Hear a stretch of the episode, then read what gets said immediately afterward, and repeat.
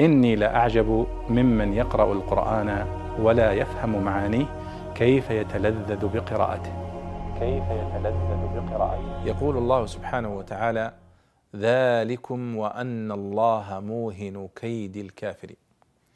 ذلكم وأن الله موهن كيد الكافرين. ما معنى موهن؟ موهن أي مضعف لأن الوهن في اللغة هو الضعف. وهنا على وهن. وإن أوهن البيوت لبيت العنكبوت. فالوهن هو الضعف.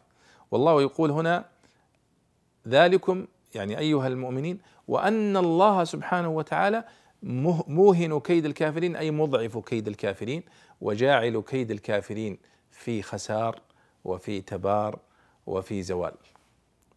وهذا كله تثبيت للمؤمنين. في القديم وفي المست وفي الحديث وفي المستقبل.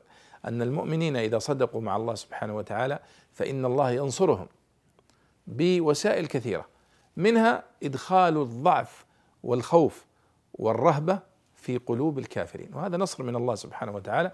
وقد أخبرنا النبي صلى الله عليه وسلم أنه نصر بالرعب.